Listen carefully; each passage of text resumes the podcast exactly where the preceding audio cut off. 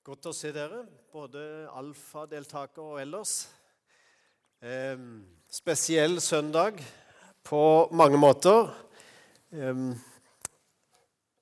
på onsdag kveld så var det vemodig å skulle avslutte alfakurset i gruppene. Og så samtidig så har vi jo dagen i dag. Så er det litt feiring. Eh, feiring på grunn av at vi har fullført et kurs og har hatt mye bra fellesskap rundt det. Eh, en alfagudstjeneste det er jo en måte å sette et punktum, men også et kolon, i det at det er noe som kommer videre. Det er jo ikke noe som avsluttes, og så legger vi det bare bak oss. Det er noe vi tar med oss videre i hverdagen. Og i dag så, så vil jeg snakke spesielt om det med kirke og menighet. Hvilken betydning har nå det? Det må bli hovedpunktet mitt i dag. Så kommer jeg noe inn på også det å gi evangeliet videre. Eller det, gi det vi har fått, formidle det videre til andre. Det fins mange forskjellige oppfatninger av hva menighet eller kirke er. Eh, mange forskjellige forestillinger rundt det med menigheter. Eh, eh, I eh, forskjellige land rundt om i verden så er jo det feires det, eller holdt på å si leves menighet på veldig mange forskjellige måter. Og vi kan også si at menighet det kan vi også forstå som hele verdens kristne samla sett. Alle menigheter, alle kirker til sammen. Og Det blir stort. og Det er jo slik Bibelen beskriver at himmelen skal være en gang. da. Når alle kristne skal samles. Eh, det blir den største menigheten som noen noen gang har sett. Gjennom hele historien skal alle kristne kunne samles en dag. Men la oss se på lokalmenigheten, altså en kirke eller en lokalmenighet. Og så er det ikke alle som har samme syn på det. En av USAs presidenter på 1800-tallet han er godt kjent for mange, i hvert fall de som er litt interessert i historie. Abraham Lincoln. Han hadde veldig mye eh, bra med seg, og han leda USA gjennom borgerkrigen midt på 1800-tallet osv. Men akkurat kirke hadde han litt spesielt syn på. Hør hva han eh, sa om det. Ble alle de som sovner i kirken søndag formiddag, lagt ned ved siden av hverandre, ville de få det langt mer behagelig. Harde benker, melodier det er umulig å synge, påtvunget stillhet, ulidelig kjedsomhet osv. osv. Det var hans syn på menighet og kirke. Jeg håper ikke du har det, altså. Men eh, det kan jeg jo ikke garantere. Du får ha din egen mening om det. Menighet er i hvert fall veldig mye mer enn noen måtte synes, og i hvert fall mer enn det Abraham Lincoln eh, tenkte på. Det handler jo om alle grupper som samles i Jesu navn. Så hva skal vi egentlig si om menigheten? Hva er det egentlig? I Bibelen så brukes et ord som heter eklesia. Og Det er rett og slett et uttrykk for en forsamling av mennesker. Den direkte greske oversettelsen er ikke en spesielt kristen forsamling, men rett og slett en forsamling av mennesker. Men den brukes på den kristne menighet òg. Så eklesia, det er menighet. Um, vi er et fellesskap og det fins veldig mange uttrykk for det. Eh, det type fellesskap uttrykkes både i Det gamle testamentet og i Det nye testamentet. Vi finner samme type uttrykk for det fellesskapet av mennesker. Eh, og Vi kan også bruke det i en videre forstand. Men i hvert fall så er eklesia uttrykket som Det nye testamentet bruker på menigheten. De som samles i Jesu navn. Og så er det to ting som er viktige når det gjelder menighet, eller som er på en måte døra inn til menigheten. Troen og dåpen. Og Så skal jeg prøve å si litt om det. For den kristne menigheten kjennetegnes ofte av disse to ting. Tro og dåp. Um, og i forlengelsen av det så å gå ut med evangeliet, da.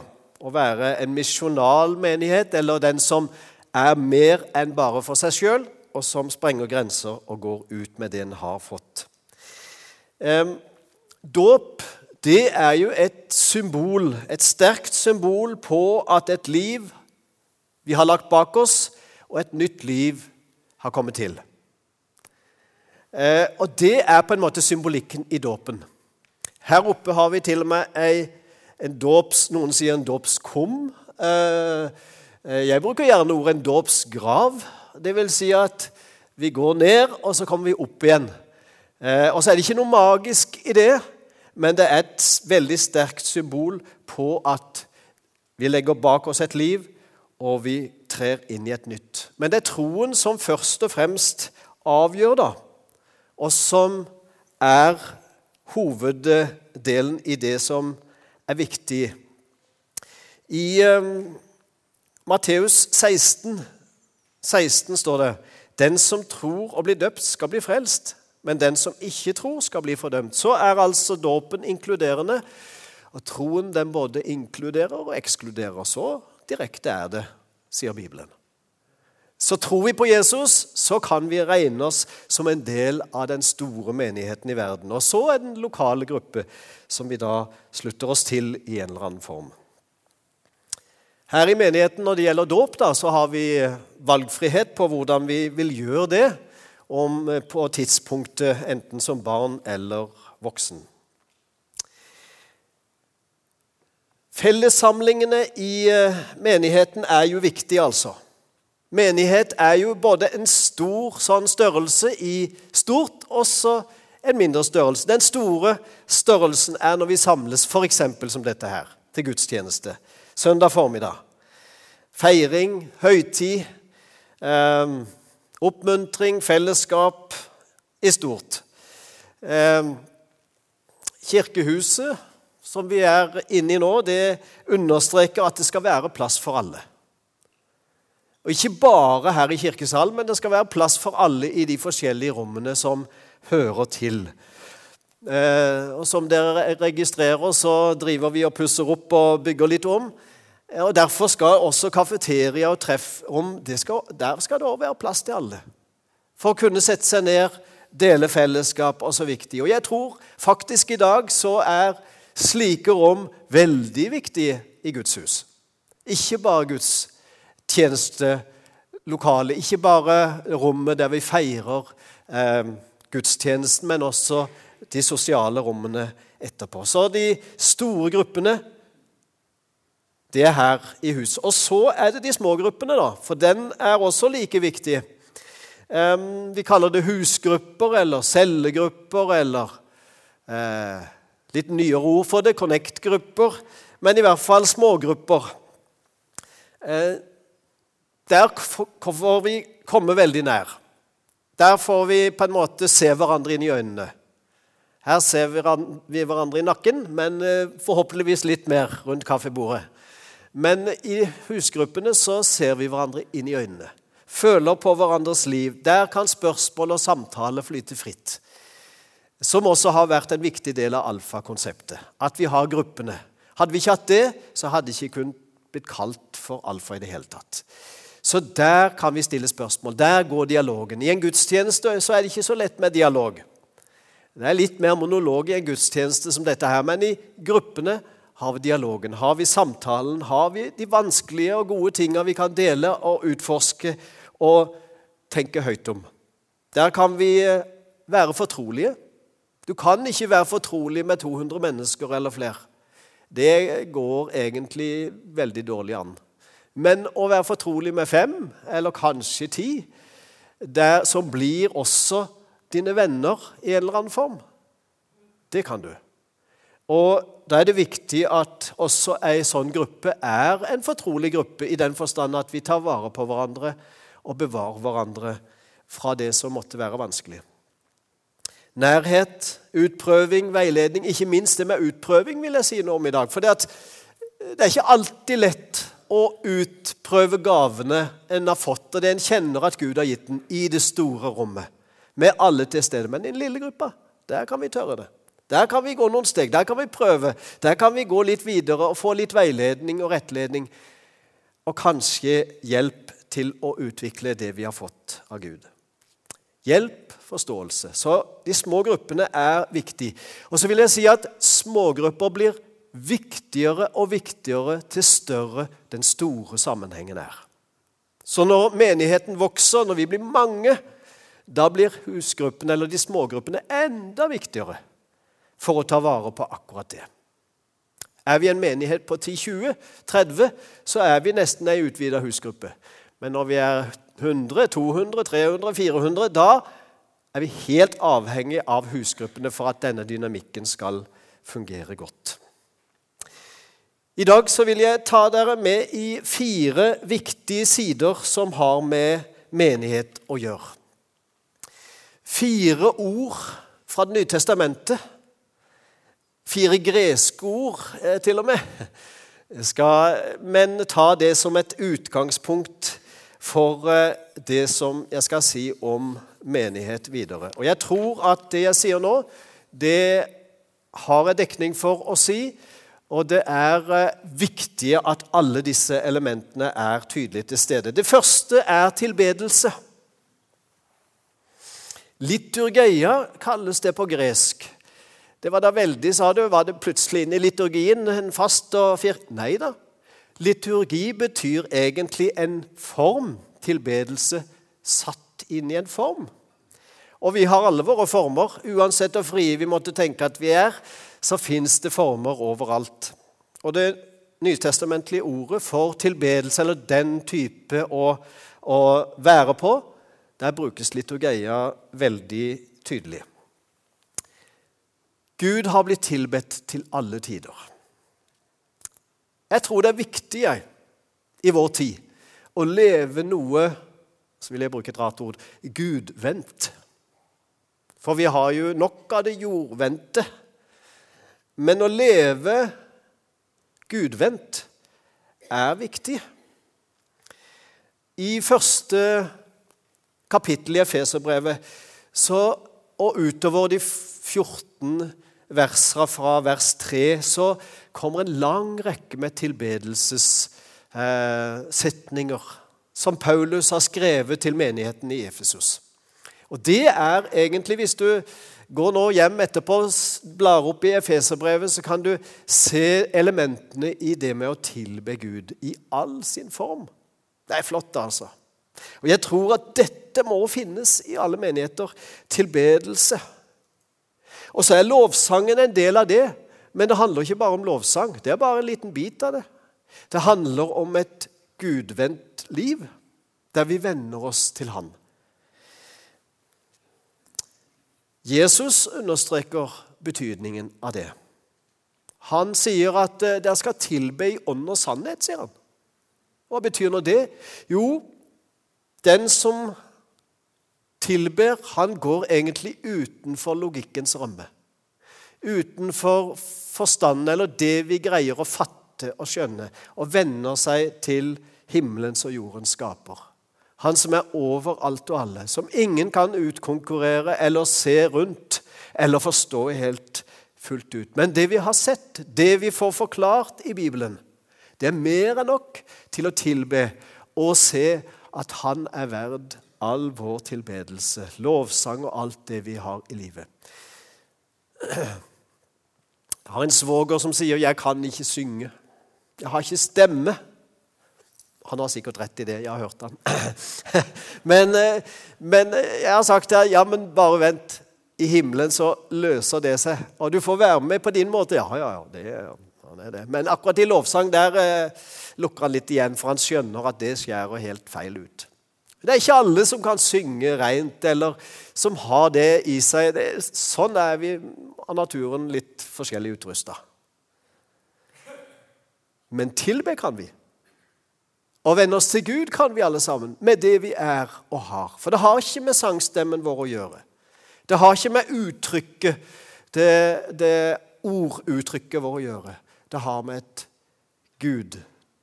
Gud-tilvendt liv å gjøre. Så tilbedelsen, den er viktig. Når du står opp om morgenen, det å begynne med å tilbe Gud, takke Gud for at du kan våkne opp til en ny dag. Takke for hvilke muligheter han har kommet til å legge foran deg denne dagen. Og nå er vi midt inne i dagen det er Gud, som Gud har skapt, og der mulighetene fortsatt ligger åpent for oss. Familien er jo en sånn eh, enhetssak. Og jeg vil si det at eh, i familien er jo samhold og enighet noe viktig. Hvis samholdet blir borte, enigheten blir borte, ja, så splittes familien opp i biter. Og Jesus sa så dere alle må være ett, og så ba han for de kristne. At de måtte holde sammen på ett spesielt punkt, og det var i tilbedelsen, i åndens enhet. Vi kan se forskjellig på mange ting, men vi må kunne tilbe sammen. Jo da, vi har litt forskjellig syn på teologi og forskjellige kirkesamfunn osv., men vi må kunne tilbe sammen. Der rettes våre ansikter og vårt hjerte én vei, mot Han som har skapt oss alle, og som vil oss vel. Én Gud, én Far, én tro, osv., sier Det nye testamentet. Den andre, det andre ordet jeg vil understreke, det er det som har med forkynnelse og undervisning å gjøre. Kyrgma, utroperen, den som bærer budskapet fram, eh, den er viktig i Det nye testamentet og for det å være menighet. En som forkynner evangeliet om Guds rike. Ja, så om Jesus at han forkynte gikk omkring og forkynte evangeliet om Guds rike og helbreda all sykdom osv. Altså, han brukte store deler av de tre aktive åra mellom år 30 og 33 i Jesu liv her til å forkynne, til å undervise, til å opp, lære opp. Så det med å formidle, det er viktig fortsatt i vår tid. Um, Lære pluss kraft, har jeg skrevet. Og jeg tror at det er noe i det. Det er en glidende overgang i det med å lære og demonstrere. Lære å leve ut. Vi kan ikke bare stoppe med teorien. Vi kan ikke bare stoppe med ordene. Da får det ikke sin fullhet slik som Jesus eh, ville, og slik som Jesus praktiserte. Det må henge sammen med en praksis. Og Derfor handler det ikke om de 25 minuttene eller 30 minuttene dere hører, måtte høre en preken fra talerstolen her eller andre steder. Det handler om mer enn det. Undervisning, forkynnelse, opplæring, veiledning. Ja, det handler det om. Og Her er overgangen av broa til vitnesbyrdet veldig viktig. Um, det er en fortelling som jeg nesten må sitere litt for dere. da. Eh, Billy Graham han har vært en kjent skikkelse holdt på å si nesten i 100 år, det har han vel vært ikke, men han døde tidligere i år. og Han levde et langt liv, og han brukte store deler av sitt liv på å forkynne evangeliet. Og han er kjent over store deler av verden. Men eh, Albert McMakin han er ikke så mye kjent, men hør på denne historien her. Han var en 24 år gammel bonde Takk skal du ha, som nettopp kom til tro på Kristus. Han var så full, var så full av begeistring at han ville fylle lastebilen sin med folk og ta dem med på et møte for at de skulle få høre Jesus. Særlig var det en kjekk bondesønn i nabolaget han var ivrig etter å få med seg. Men mannen var vanskelig å overtale, og han var travelt opptatt med å forelske seg i den ene jenta etter den andre. Og kristendommen virka ikke særlig tiltrekkende på ham. Men til slutt så greide Albert McMakin å overtale han med å be han om å kjøre med han i lastebilen. Og Da de kom fram, så bestemte Albert sin gjest seg for å bli med inn. Han ble helt trollbundet av det han hørte, og de tanker han aldri hadde vært inne på før. Han kom tilbake kveld etter kveld til han endelig gikk fram og gav sitt liv til Jesus Kristus. Mannen som kjørte lastebilen, var Billy Graham. Året var 1934. Og Siden den gang har Billy Graham ledet tusenvis av mennesker til tro på Kristus. Vi kan ikke være som Billy Graham alle sammen, men vi kan være som Albert McMakin, som kan føre våre venner til Jesus. Hvem har hørt om Albert McMaking? Ikke mange. Men veldig mange tusener har hørt om Billy Graham. Hva sier det oss?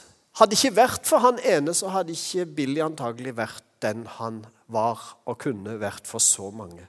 Så vi trenger alle de tjenestene inn i det at evangeliet skal gå videre. Vi trenger ikke minst i dagens samfunn, der det finnes så mange stemmer, at det er noen som taler tydelig evangeliet. Noen som løfter de bibelske sannheter fram, slik at vi finner veien slik som Jesus ville det. Det tredje jeg vil si noe om i dag, er vitnesbyrd, det kristne livet. Og Da er faktisk ordet for det i Det nye testamentet martyria. Og da begynner det å bli alvor. Kanskje når du tenker ordet vitnesbyrd, så tenker du at de fem minuttene på plattforma det jeg fikk lese et evangelium, eller eh, noen ord fra Bibelen, eller sagt eh, mitt personlige vitnesbyrd. Men det er bare en liten del av hva vitnesbyrd handler om. Vitnesbyrd handler om hele det kristne livet. Og her sprenges alle rammer. Eh, disiplene kunne ikke la være tale om det de hadde sett og hørt. Det er holdt på å si, utgangspunktet for det kristne vitnesbyrdet. De kunne ikke la være. Og de måtte bare, og det fikk konsekvenser.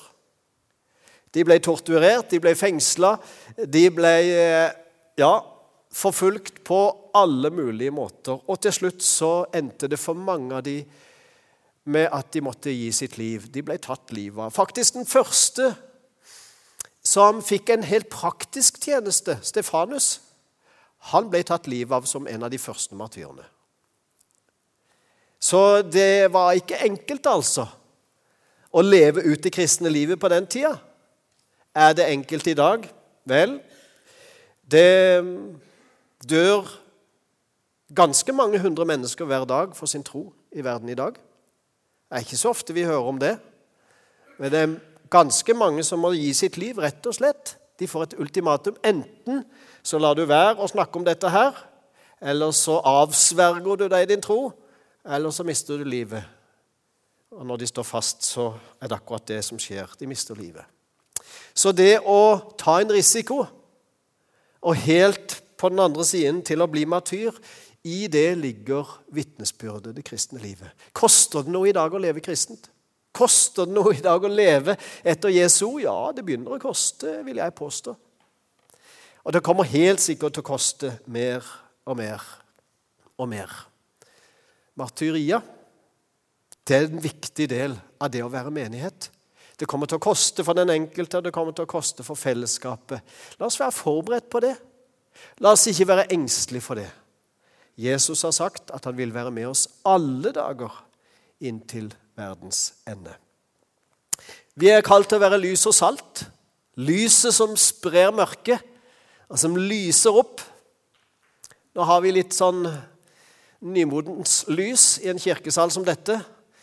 Hadde det vært midt på natta og slukket av lyset, så hadde det ikke vært mye å sett her. Eh, men vi har dagslyset litt inn, da. Og så har vi litt kunstig lys i tillegg. Uten det så blir vi ubekvemme. Vi ser ikke hvor vi går, vi ser ikke hvor vi skal, vi kan ikke se ansiktene til hverandre vi, osv. Vi trenger lys. Vi er skapt sånn. Og Gud er lys, og han skapte lyset som det første. Og Han så det at det var det viktigste for all skapning, at det måtte finnes lys. Derfor er vi på en måte ett lys blant mange. Og når ett lys til tennes, ja, så blir mørket noe mindre. Og så blir rommet noe mer opplyst. Og så blir verden noe lysere enn det var fra før. Et annet uttrykk er salt. Hva gjør saltet? Jo, i hvert fall, det gjør mange ting, da. Men i hvert fall to ting. For det første, det hindrer fra forråtnelse. Det som begynner å gå i oppløsning, det som ikke lenger er spiselig, det kan saltet forhindre å stoppe den der prosessen. For det andre, og jeg liker veldig godt det andre, da, det setter smak. Eh, dessverre, jeg spiser helt sikkert for mye salt. Det er ikke sunt med veldig mye salt, sies det. Men jeg syns at et måltid som ikke helt har veldig mye smak, det, eh, da tenker jeg hvor er saltbøssa henne? Jeg må i hvert fall få på noe salt, noe krydder av noe slag. For å få oppsmaken. Og salt bidrar jo til det på en veldig god måte. Og da tenker jeg Når vi som kristne, eller den som tror på Jesus, beskrives som salt hva er det da? Jo, du setter smak på tilværelsen, både din egen og de andre rundt deg. Uten at du fungerer som salt, så vil du bli smakløs. Smakløshet, det vender vi oss bort fra. Og For å si det veldig radikalt da, En smakløs menighet, hvordan blir den? Den er ingen interessert i å ha noe med å gjøre. Men en menighet som setter smak på tilværelsen for mennesker, den blir tiltrekkende. Og når du som enkeltkristen setter smak på tilværelsen for dine medmennesker, da bidrar du til at hele menigheten gjør det. Lys og salt. Det fjerde som jeg vil si at er viktig for en menighet å være, det er å være i en tjeneste. Og Da sier Bibelen at ordet for tjeneste det er egentlig diakonia. Slik uttrykker Det nye testamentet. Da handler det plutselig om å være noe for andre. Og vi har alle fått en tjeneste å være noe for andre. Um, Jesus sier til noen som spurte ja, men hvordan kan vi tjene deg? Du er jo ikke over Jo, men alt det dere har gjort mot en av mine minste, det har dere gjort mot meg, sier Jesus i Matteus. Så veldig mange måter å tjene på fins det pga. at det fins alle mulige mennesker rundt oss. Både Det nye testamentet og Det gamle testamentet er full av eksempler på det. La meg lese en, eh, en liten beretning om det med å tjene. Det hadde seg sånn at en kristen leder eh, ble oppsøkt av en av menighetsmedlemmene som hadde møtt et menneske i stor nød. Og Etter søndagsmøtet fortalte denne mannen til lederen om hvor frustrert han var blitt mens han forsøkte å skaffe hjelp. Han sa denne mannen trenger et sted å bo, mat og støtte inntil han kommer seg på føttene og får tak i en jobb, sa han. Jeg er virkelig frustrert. Jeg prøvde å ringe menighetskontoret, men ingen kunne møte meg, og ingen kunne hjelpe meg. Det endte med at jeg måtte la ham bo hos meg en uke. Syns du ikke menigheten skulle ta seg av slike mennesker? sa han. Da tenkte lederen seg om og svarte, jeg syns du det ser ut som menigheten har gjort det. Ja, tjeneste, det er jo ikke for lederne spesielt. Jo, selvfølgelig, de skal jo tjene. Alle er satt til tjeneste. Alle har vi en del av å være noe for andre mennesker. Og når vi møter utfordringen, ja, så blir det vår utfordring. Så må vi kanskje ha hjelp av og til. Og så må vi kanskje sende noen videre. Men i utgangspunktet så er det vi som møter mennesket vi har foran oss. Tenker vi sånn? Eller tenker vi at nå får vi ringe noen, så noen kan ta seg av vedkommende? Eller det må jo noen gjøre. Har du vært borti den setninga før? Det må jo bli gjort av noen her. Um, kanskje vi skulle gjøre det sjøl. Og så har menigheten gjort det. Et levende fellesskap, dere, det handler om liv. Det handler om liv. Alene så er kristenliv ikke beskrevet i Det nye testamentet. Ikke i det hele tatt. Det handler alltid om fellesskap. Så et enkeltmanns kristenliv, det er liksom unormalt. Det nye testamentet håndterer ikke det uttrykket i det hele tatt. Et kristent liv handler alltid om å være en del av en sammenheng. Alltid om å være en del av en menighet eller en kristen gruppe. Og uten det så tror jeg vi ikke har forstått helt og fullt hva vi er frelst til eller gitt av muligheter. Så når vi tror på Jesus, da står det at vi blir Guds barn. Men da har vi jo plutselig en felles far, og da har vi jo plutselig søsken. Og da er vi på en måte inn i det som har med familie, den kristne familie å gjøre. Og En gang på et møte at uh, en sammenheng, ikke her, Eh, at eh, de var samla fra litt forskjellige kirker og litt forskjellige kirkesamfunn. Og Så var det én fra et kirkesamfunn som leda det møtet, og så var det fra en annen som talte. Og Så kom han opp, han lederen, og sa ja, så skal vedkommende, mitt søskenbarn i Herren tale. Da gikk han som skulle tale, opp og sa, 'Du, jeg vet hvem min far er.' Nå, nå blir jeg lurt. Hvem er din far? og da skjønte lederen at han hadde sagt noe dumt. Vi er jo ikke søskenbarn, vi er jo ikke tremenninger, vi er jo ikke noe langt uti. Vi er søsken. For vi har én far og felles Gud. Og slik må vi også behandle hverandre. Og så kan søsken se ulike ut. Så kan søsken være til og med ganske uenige. Men vi er i familien, og vi må forholde oss til at vi har en far. Holder vi fast på det, da tror jeg vi har skjønt mye om hva menighet er for noe. Det handler om å leve dere.